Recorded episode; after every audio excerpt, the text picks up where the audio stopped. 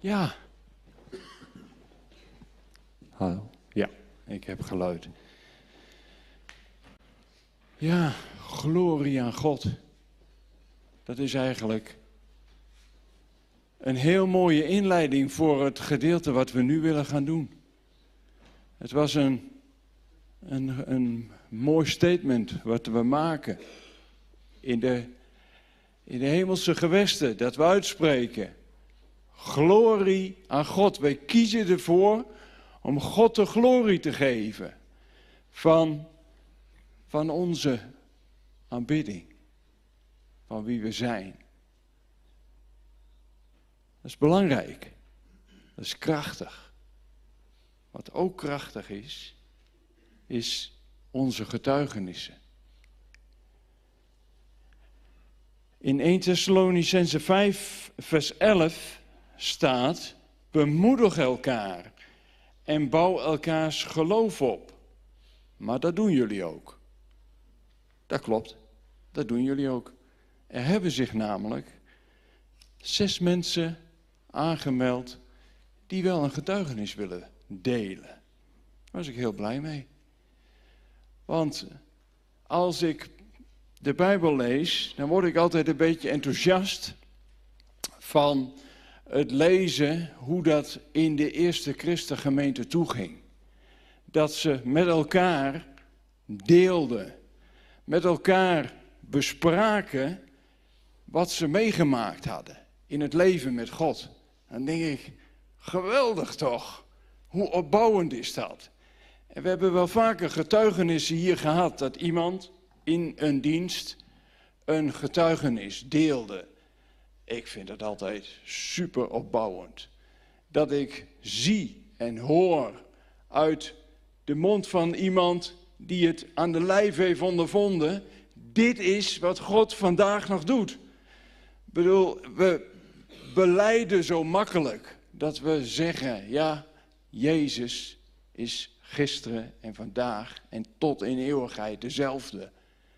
Maar om dat te zien en te horen van elkaar is geweldig.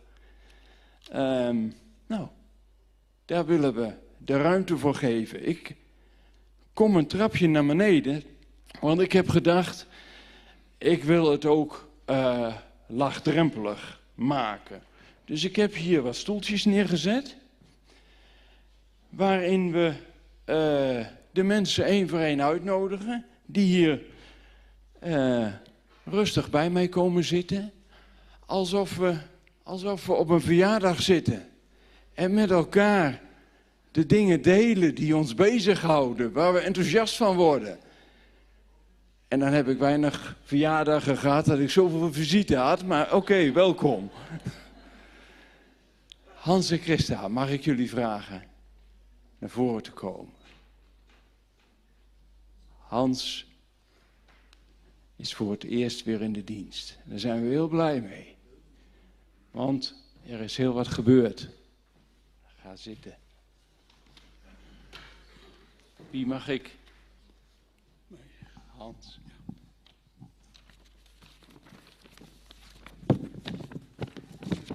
Goedemorgen. Goedemorgen, ik ben er weer.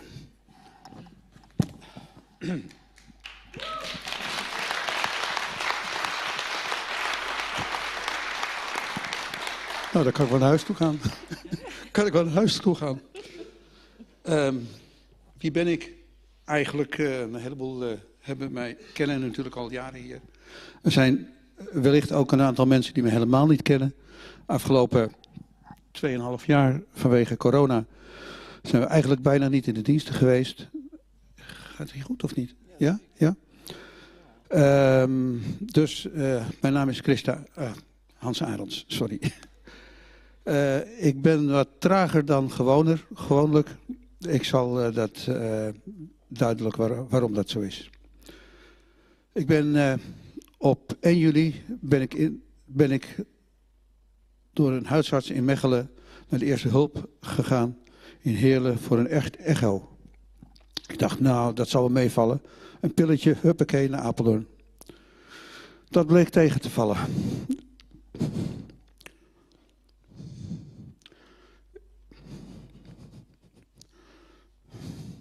Ik had een heel, heel slechte knijpfunctie van de hartspier, waardoor er vocht in de, in de longen bleef, hangen.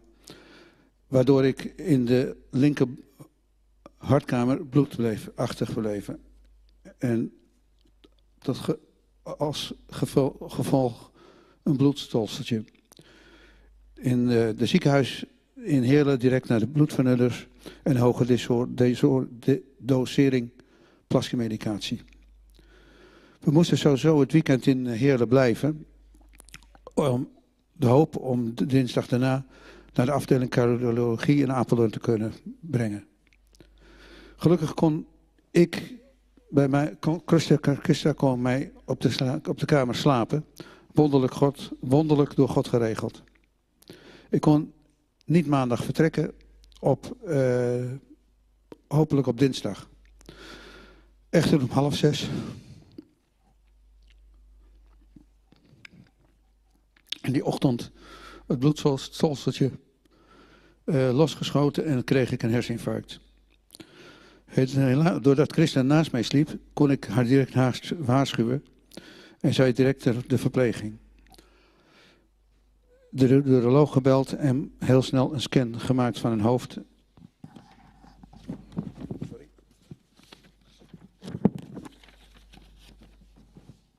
En kon, konden ze dat de lichte, link, link, linker slagader, halsslagader voeten. We zijn in snelle vaart met gillende sirenes met de ambulance naar het ziekenhuis in Maastricht gebracht. Ik heb er zelf niet veel, niet veel van meegekregen.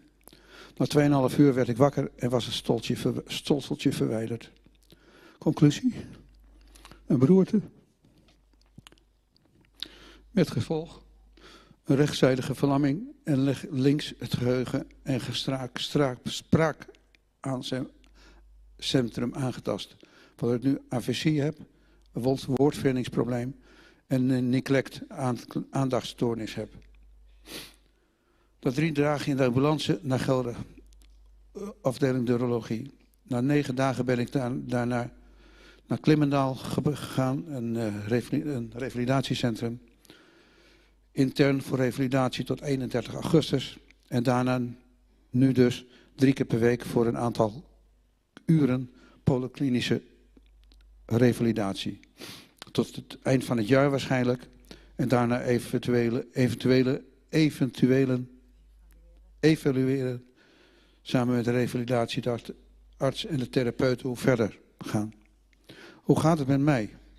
De functie, functie is momenteel slechts 34 procent. Nee, 23 procent van wat, waarvoor ik medicijnen krijg.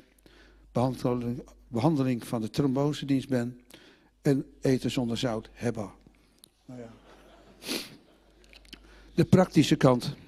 Uh, ik moet oefenen van woorden, het schrijven van de computer, veel meer. Ik doe Family 7 voor Family 7 van werk, werkzaamheden. En dat kan ik ook op dit moment nu niet. Niet doen. We zien langzaam vooruitgang in datgene wat ik kan doen. Ik kan weer op de e-bike fietsen. En ik rijd met een instructeur in een lesauto.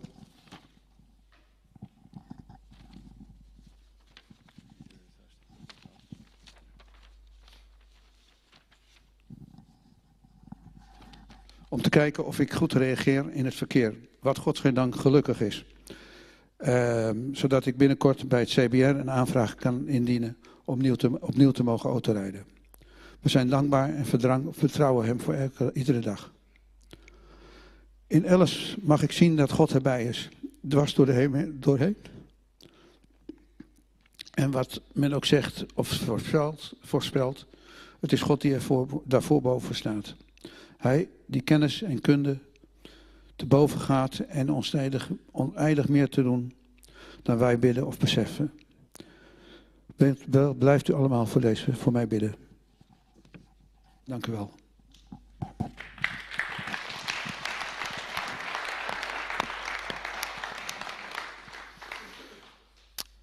Dank je wel, Hans. Wat heb je die goed gedaan? Ja, ik heb hem uitgelegd. Je hebt het uh, keurig uitgeschreven en dat helpt. We zijn een poosje terug bij jullie geweest. Toen herinner ik me nog heel goed dat je echt aan het zoeken was. En veel hulp van Christa nodig had om de juiste woorden te pakken. Want ze zaten er wel, maar ze kwamen niet. En die woordvinding, nou, ik vind dat al een getuigenis op zich als ik je nu, ja, zo'n verhaal hoor doen. Geweldig. Dank jullie wel. Ik heb al heel veel gezegd via de updates. En ik dacht eigenlijk, ik zal dit hier, dat zal ik hier waarschijnlijk ook weer doen. Totdat hij zegt, nee, dat doe ik zelf. Toen dacht ik, yes. Hij heeft ook zelf, um, met een stukje hulp van mij natuurlijk om het op papier te krijgen, um, dit geschreven. Het is voor hem nog heel soms moeilijk om het op de juiste manier te zeggen. Hij weet het wel, maar het, het, het klepje wil niet daar helemaal open gaan. Um, de zinsopbouw loopt soms een klein beetje door elkaar heen. Dus daarin help ik hem dan natuurlijk wel. Het woordvindingsprobleem, nou het ging vandaag heel goed, maar hij zoekt soms nog echt naar woorden. Maar hij heeft geleerd om dan het te omschrijven. En op het moment dat we een aardig eind op dreef zijn en hij komt er nog niet uit, dan hoef ik hem maar bijvoorbeeld een lettergreep te geven en dan hoep. Maar hij is ook in staat om woorden eruit te gooien dat ik denk, waar haal jij ze nou vandaan? Ik, hier, hij zegt... Bevrijdingspastoraat. Bevrijdingspastoraat. Daar zat ik in mijn hoofd naar te zoeken. En hij zei, oh je bedoelt bevrijdingspastoraat. En ja, ja, hoe zat het nou in mijn hoofd? Wat, wat had ik nou, wat heb ik nou toen ook nog gedaan? Tanja, de, weet je wat hij zei? Wat hebben we gedaan? Die vragen waren de... Uh, uh, questionnaire. Gooit hij er wel even uit, questionnaire. En dan zit ik te zoeken in mijn hoofd van, hoe heet dat nou ook alweer? Maar we leren er gewoon mee om te gaan, hij ook. En als we er niet helemaal uitkomen, nou, of ik geef een lettergreep of wat dan ook. En als hij zegt laat maar, ja, dan heeft hij een slechte aanbod. Want ik weet dat hij eigenlijk een ander woord bedoelt. En dan gaan we het zoeken van nee, je bedoelde dit, hè? Ja, dat is het. Nou, oké, okay, zeg het dan maar. Zodat hij in zijn hoofd herhaalt en herhaalt en herhaalt. Ik hoef gelukkig nu niet veel te vertellen, dus ik stop er heel snel mee. Maar de, in dat lied, de storm herkent nog steeds zijn naam. En dat is iets dat herkende de storm destijds toen de Heer Jezus op aarde was. En hij herkent onze storm. En hij spreekt daar altijd nog steeds over. En als hij zal zeggen stop en zwijgend is over, dan is het ook over. En wij willen gewoon zien dat uh, de Heer boven alles staat. En door alles heen, wat er ook gezegd wordt, dingen kan doen. En dat zie ik hier, vier maanden geleden, had ik dit echt niet verwacht. Als er niets meer is op dat moment. Een brabbeltaal, een rechterkant die volledig verlamd is. Als ik dit zie, dan vind ik dat echt een wonder. En hij geeft echt rust in je ziel. Dwarste al je pijn en verdriet heen. Er blijft een basis van rust. Dank jullie wel. Kijk nog één keer achterom. Daar staat een hele mooie bosbloemen. Die mogen jullie straks mee naar huis nemen.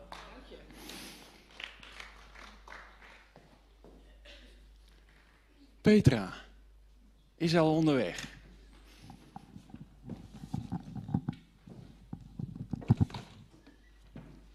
Gisteren zaten we echt naast elkaar op de verjaardag. Gisteren zaten we op de verjaardag echt naast elkaar, dat klopt. En op deze verjaardag heb jij iets te delen. Ja. Ik ben benieuwd. Nou, goedemorgen gemeente. Um, nou ja, ik zat natuurlijk net in mijn stoel. Ik dacht ook, oh, ik moet het echt niet delen. En wat ik nou zo bijzonder vind, is dat uh, Christa en um, Hans uh, net twee woorden noemen, precies waar mijn getuigenis over gaat. Um, over bevrijdingspastoraat en de questionary. dus, mooi toch? Um, nou, het uh, begint eigenlijk bij deze zomer. Um, en ik waren op vakantie in Kroatië en ik ontdekte bij mezelf best wel een diepere laag waarin ik dacht, oh hier, hier heb ik echt nog een stukje bevrijding over nodig, want het heeft invloed op mijn huwelijk, het heeft invloed op mijn moederschap, uh, het heeft invloed op mijn ondernemerschap. nou, gewoon een stukje identiteit. Um, dus toen wij terugkwamen van vakantie, toen uh, had ik besloten van nou, ik wil dan wel een bevrijdingspastoraat. En ik dacht, nou, één of twee keer bidden, dan is het, uh, is het wel goed, dan kan ik weer door. En ehm, ik had zelf ook eh, bedacht van nou, dan wil ik wel die en die even daarvoor bellen en eh, vragen. Dus ik had twee keer opgebeld, maar er werd niet opgenomen.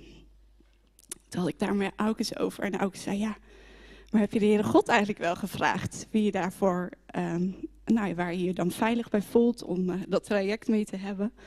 En toen dacht ik, oh nee, eigenlijk niet. Dus ehm, nou, tussen alle bedrijven door heb ik die ochtend uh, tijdens de afwas weet ik van... Heer, wie, moet ik dan, uh, wie mag ik daar dan voor vragen? En wie mag ik daar dan voor benaderen? En wilt u diegene dan op mijn pad brengen? En nou, dat was een woensdag. En woensdag is vaak een dag dat ik ook even met Jona naar de speeltuin ga. Dus um, nou, woensdags in de speeltuin. En wie kom ik daar tegen? Tanja. Nou, en um, ja, Tanja en ik spreken elkaar niet zo vaak en weten ook niet echt van, van elkaar wat we dan doen. Dus we hadden even zo leuk zo'n gesprek van nou, hier, wat doe jij, wat doe, uh, wat doe ik? En uh, Tanja die vertelde heel leuk uitgebreid over al haar werkzaamheden. En daaronder ook hebben we vrijdingspastoraat, waar ze gewoon uh, ja, heel veel passie voor heeft. En uh, nou, ik dacht echt? Oké, nou, God bracht haar dus op mijn pad. Ik heb niet gelijk gezegd, nou, dat wil ik wel. Ik uh, moest het echt even laten bezinken. En uh, nou, vervolgens uh, kwamen we elkaar woensdag of zondags ook even tegen in de wandelgang. En toen dacht ik, ja, ik moet eigenlijk wel tegen haar zeggen, maar nee, niet nu. kwam niet zo goed uit. En wat heel bijzonder was, die woensdag uh, daarop had ik Tanja een berichtje gestuurd, of in ieder geval die week daarop, van, joh, Tanja, je vertelde dat je met uh, bezig was bent, heb je nog een plekje voor mij? En het zei ze, nou, wat bijzonder, want dit komt echt niet uh, als, uh, als een verrassing. Want de Heere God had mij zondag, toen we elkaar kruisten, al gezegd, je mag Petra gaan helpen. Um, dus het was voor ons beiden heel bevestigend van, nou, dit is uh, echt iets wat God aanbiedt voor mij, maar uh, waar Tanja mij dus mag helpen. En um, nou, vervolgens hebben we afspraak gemaakt en uh, ben ik ook zelf gaan voorbereiden op uh, de questionnaire die we dan... Uh, het was dus niet één of twee keer bidden, maar een questionnaire doe je dus echt een heel jaar. um, dat was wel even wennen in het begin, maar ik dacht nee, dat is ook goed. Dat ik daar gewoon de tijd voor mag nemen om dieper te gaan met God. Om um, ja, gewoon een stukje stevige fundament te gaan krijgen. Um, en wat ik zo heel bijzonder en persoonlijk vond van God, en dat wil ik ook graag nog delen met jullie, is um, de week voordat ik uh, met Tanja en met uh, Mario het traject zou gaan starten. Toen uh, had ik s'avonds een keer gebeden en ik doe mijn lampje uit en God zegt, ja maar ben je dan niet benieuwd naar het antwoord op je gebed? Ik zei, oh ja, ja, ja eigenlijk wel. Dus ik zei, nou lees Psalm 16. En uh, Psalm 16 staat onder andere uh, dat, nou, dat God echt uh, een schuilplaats voor mij mag zijn. En dat hij me de weg naar het leven leidt. En um, ja, dat met hem aan zijn zijde dat ik niet hoef te wankelen. dus dat was echt een hele mooie psalm. En ehm, vrijdags toen startte onze, onze eerste pastorale gesprek. En we starten altijd eerst met gebed en vervolgens ook even met een stukje Bijbel. En um, Tanja die zei, ja, ik had je naam nog niet genoemd in de voorbereiding van het gebed, maar toen kreeg ik Psalm 16. Dus ook die vrijdag uh, lazen we Psalm 16 met z'n met drietjes door. En het was echt zo bevestigend van, God is dus echt zo persoonlijk met ons begaan dat hij ja, dat gewoon zo doet. En um, het bijzondere ervan vind ik ook dat ik naast het pastorale traject mag ik van God ook een business coach hebben op dit moment. En daar ben ik 3 november mee gestart. Een paar weken nadat het uh, pastorale traject startte.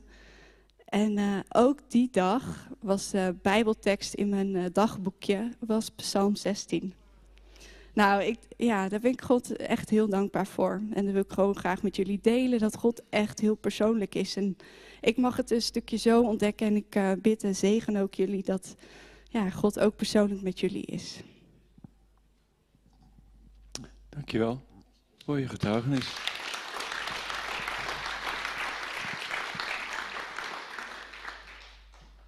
Judith, wil je ook je getuigenis geven als ik geen bosbloemen voor je heb?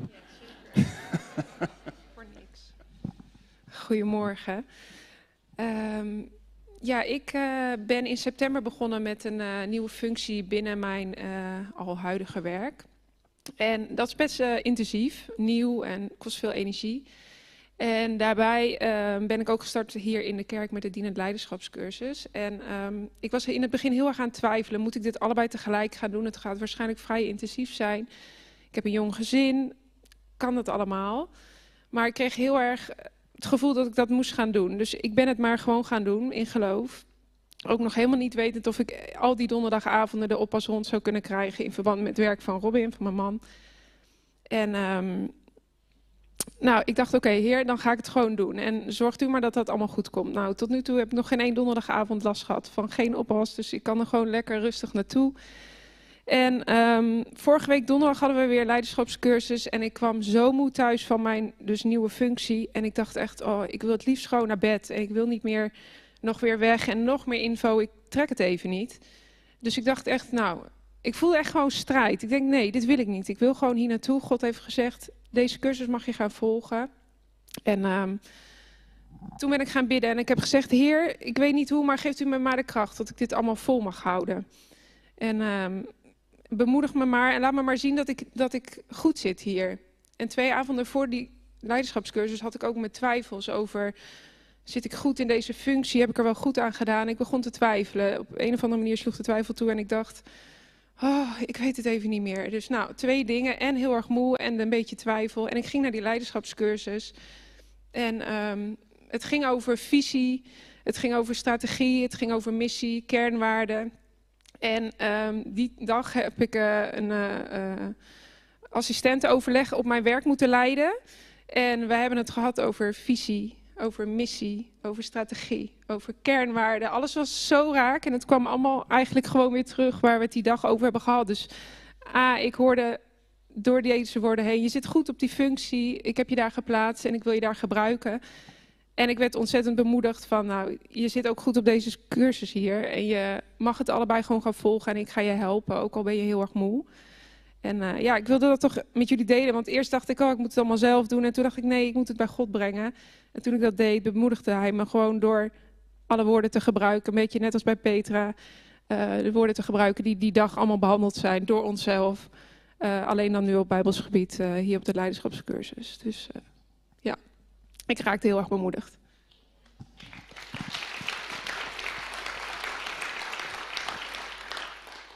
Dankjewel. Uh, wat een mooi verhaal. Zo, zo zien we in het leven van elke dag. Als we ons op God richten, dan zien we dat Hij werkt. Dan zien we dat Hij levend is. Want anders zouden we deze dingen niet meemaken. Wie bedenkt die twee woorden van Hans en Christa bij elkaar? Wie bedenkt deze woorden bij elkaar? Dat kan toch niet anders als God de hand in hebben? Glorie aan God.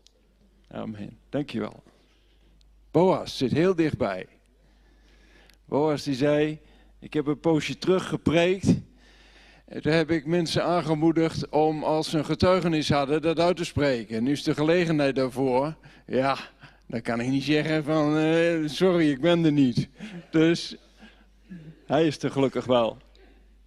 Nou, het is niet dat ik een plicht voelde om hier te zitten hoor, maar wel leuk dat het nu dan iets oplevert en dat er gewoon iets mee op die manier mee gedaan wordt. Dus dat is heel tof. Nou, wat ik in ieder geval zelf merk is dat je een, een, soort ontwikkeling in geloof meemaakt. En iemand had het de laatste ook over, nou ja, geloof en wonderen, dat is dan ook leuk. Maar vaak ook in handelingen wordt dat dan ook gebruikt als een soort introductie naar het evangelie kunnen verkondigen. Dus niet gewoon een beetje wonderen toveren op zichzelf, maar dat het ook nog een, een ingang brengt. En laatst was ik op vakantie en dan was ik op een, uh, op een boot. En daar heb je ook allerlei medewerkers. Nou, die werken daar uh, eh, 13 uur per dag en die slapen heel kort. Dus die zijn heel erg daarmee bezig. En die hebben allemaal ook wel hun eigen problemen. Want dat zijn vaak mensen uit het buitenland die natuurlijk uh, arme families hebben. Die komen dan op zo'n schip werken om gewoon het allemaal uiteindelijk de eindjes aan elkaar te knopen. Nou, en dan merkte ik dat ik het heel leuk vind om gesprekken aan te gaan. Dus ga ik ook met die mensen praten. En dan merk je dat je kunt vragen over hen, over hun familie. En dan kun je vervolgens een vraag bij ze neerleggen. Oh, van ik hoor deze dingen, um, zou ik misschien voor je mogen bidden daarin? Uh, nou, en dan accepteren ze dat. En dat is, dat heb ik er twee mogen doen. En dat was super mooi, want de eerste waarvoor ik bad, die bleek ook christen te zijn. En die was zo verbaasd, omdat hij eindelijk eens een keer iemand daarover weer kon spreken. En de volgende ochtend koppelde hij ook aan mij terug dat hij weer helemaal enthousiast was over het geloof. En dat hij er helemaal weer mee bezig was. Dat hij weer de Bijbel had gelezen. Uh, ik had ook voor zijn, zijn elleboog gebeden. En hij zei ook dat dat weer genezen was. Dus nou ja, dat kan misschien dat hij het zei uit beleefdheid. Want ik, toen ik hem daarna vroeg van, ja, ja, het is weg. Maar tegelijkertijd, als hij iets zegt, nou ja, het kan ook wel gewoon genezen zijn. En in ieder geval zag je gewoon dat hij van oor tot oor glimlachte. En dat hij weer helemaal toegewijd was. En een andere, die, uh, dat was een jongen die was eigenlijk boeddhist. En die, daar bad ik ook voor, en voor hem en zijn familie. En hij vond het heel bijzonder, want nog niemand had hem naar zijn familie gevraagd. Hij voelde zich heel erg gezien. En ook in het gebed, toen beeld ik daarna. En toen had hij, want hij was eerst een beetje een soort van, nou, zijn gezicht stond zo. En daarna was echt een glimlach die niet te vergelijken was. En hij voelde zich, hij zei, ik heb zo'n gevoel van binnen. Hij had een bepaald gevoel van warmte en blijheid. En dat voelde zich, zich helemaal over zich heen komen. En dat had hij nog helemaal nooit meegemaakt. Dus dat vond hij super bijzonder. En vervolgens de volgende dag was hij voor het allereerst in zijn leven als boeddhist naar de kerk geweest. Dus dat was gelijk een, een heel zichtbare bijna transformatie. En vervolgens gaf dat ook ingang dat ik de komende twee dagen, want ik zat toen nog twee dagen op dat schip. En die komende twee avonden dat ik hem tegenkwam, heb ik hem het evangelie kunnen uitleggen. Gewoon vertellen over allerlei dingen. En heeft hij toch uiteindelijk iets van God meegemaakt, maar ook dingen over God geleerd. En nou, op het einde zegt hij, nou ja, God bless you. Dus dan denk je, oké. Dus ik heb nog wel ergens een contact en zo nu en dan gaat er nog een berichtje heen en weer. En om dat hopelijk nog een beetje uit te bouwen. Maar dan zie je hoe gebed en hoe ergens uitstappen en een verwachting hebben dat het iets kan doen. Hoe dat gewoon iets voortbrengt en al ingang biedt. Amen. Dankjewel.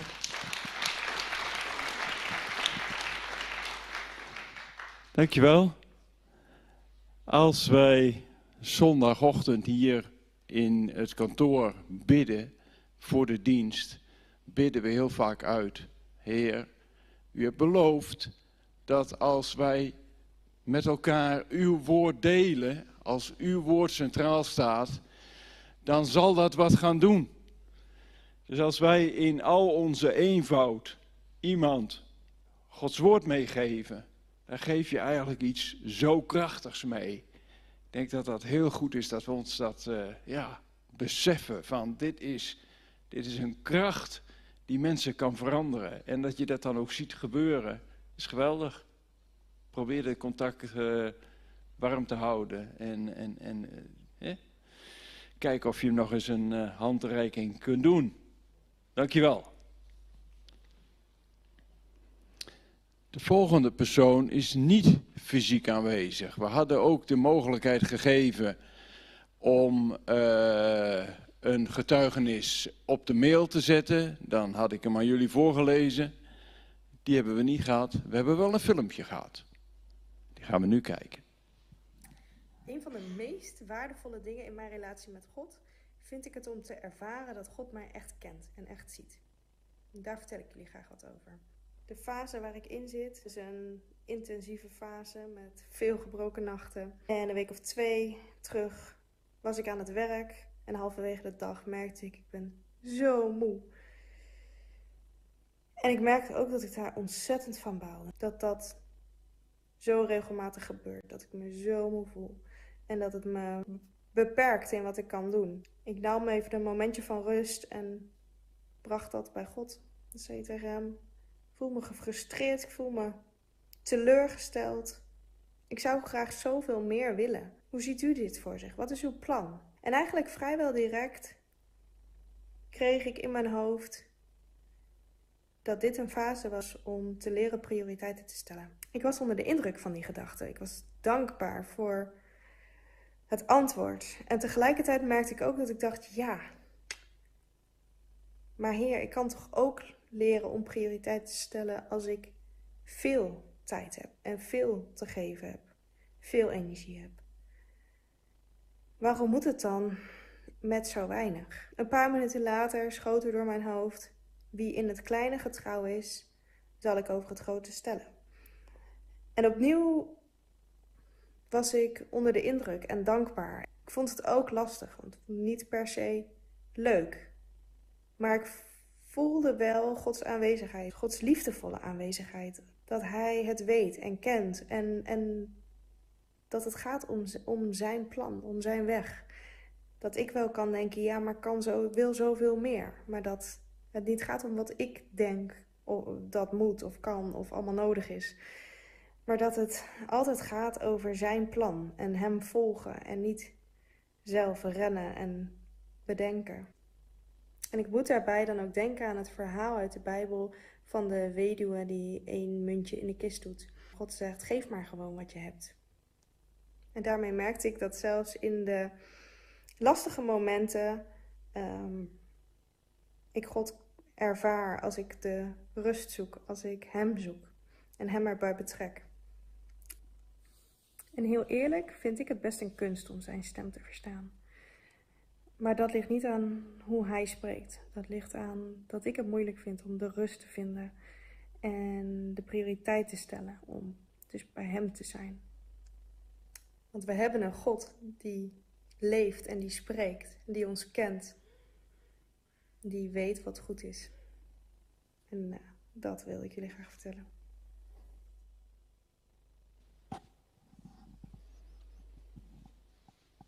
Ja, ze is niet aanwezig, dus ik kan haar niet bedanken. Maar ik ga het thuis wel doen. Jos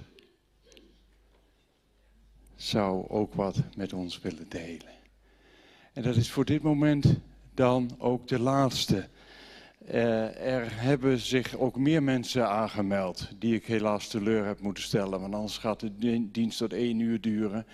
En uh, dat, dat is ook niet wat we graag willen. Uh, ik vind het wel heel mooi om zo deze getuigenissen te horen. En ik denk dat het ook heel belangrijk is, dat het heel krachtig is. Um, dus de mensen die het alsnog graag zouden willen, schroom niet om de oudste van dienst, die je ziet dat de komende zondag uh, de leiding heeft, om die aan te geven van joh, ik zou graag mijn getuigenis vertellen, want uh, daar maken we graag gelegenheid voor. Of het moet een bomvolle dienst zijn die al op de rol staat, waarvan we zeggen joh, hè, kan het een week later, maar het is belangrijk dat we dit delen met elkaar. Ja, heel mooi. Zo wat Naomi vertelt, wat ik allemaal hoor. Dat God zo betrokken is met alle, alle dingen van ons leven. De grote dingen en ook de kleinere dingen. En ik had uh, een jaar geleden had ik echt gewoon heel veel last van mijn knie. Dat, daar had ik voor gebeden, mijn hand opgelegd, uh, al een tijd. En dat ging niet over. En toen hadden we hier een uh, avond met elkaar waar we woorden van God deelden en ook gingen bidden voor genezing. En ik had gedacht, nou, ik ga dan ook vragen om gebed voor mijn knie. Maar goed, ik ging zelf ook meebidden, dus de avond was voorbij. En ja, er was nog niet voor mijn knie gebeden. En nou, Hans en Erika stonden naast me. Dus ik zeg, nou, ik wil jullie uh, vragen om voor me te bidden. Oh, zegt Erika, toch niet voor je knie? Ik zeg, ja, voor mijn knie. Je rechter? Zeg, ja, mijn rechterknie. Oh, zegt ze, nou, ik had echt het gevoel van, uh, ja, dat God tegen mij zei, je moet bidden voor iemand zijn rechterknie. Uh, nou, dat was natuurlijk heel mooi. Ik dacht, nou heer, wat bijzonder dat u zo voorziet en zo spreekt. Dus zij ging bidden voor mijn knie. En nou, ze sprak genezing uit, dus vroeg, is het over? Nee, nog niet. Nou, gaan we doorbidden, weer bidden. Is het over? Nee, nog niet. Nou, dat hebben we een aantal keren gedaan. Maar ik voelde het nog gewoon, maar ik dacht van, uh, God doet dit niet voor niks. Die gaat niet spreken en dit zeggen en dan niks doen. Dat kan ik gewoon niet geloven. En, uh, maar het bleef wel zo. Dus ik ging naar een fysiotherapeut en die zei van ja, het is beginnende artrose. En uh, nou ja, dat gaat uiteindelijk niet over, maar kan wel wat tips en adviezen geven. En uh, nou ja, ik ben gewoon verder gaan leven, om maar even zo te zeggen. Maar toch van Heer, u heeft dit gezegd en ik wil het van u verwachten. En ik ben nu eens een beetje een jaar verder. En ik heb gewoon echt geen klachten meer. Van ik kan lekker wandelen, ik heb geen pijn, ik kan op mijn hurken zitten. Wat voor mijn werk, allemaal op mijn knieën op de grond en opstaan. Gaat allemaal weer helemaal goed. En ik ben God daar gewoon heel erg dankbaar voor. En dat wilde ik met jullie delen.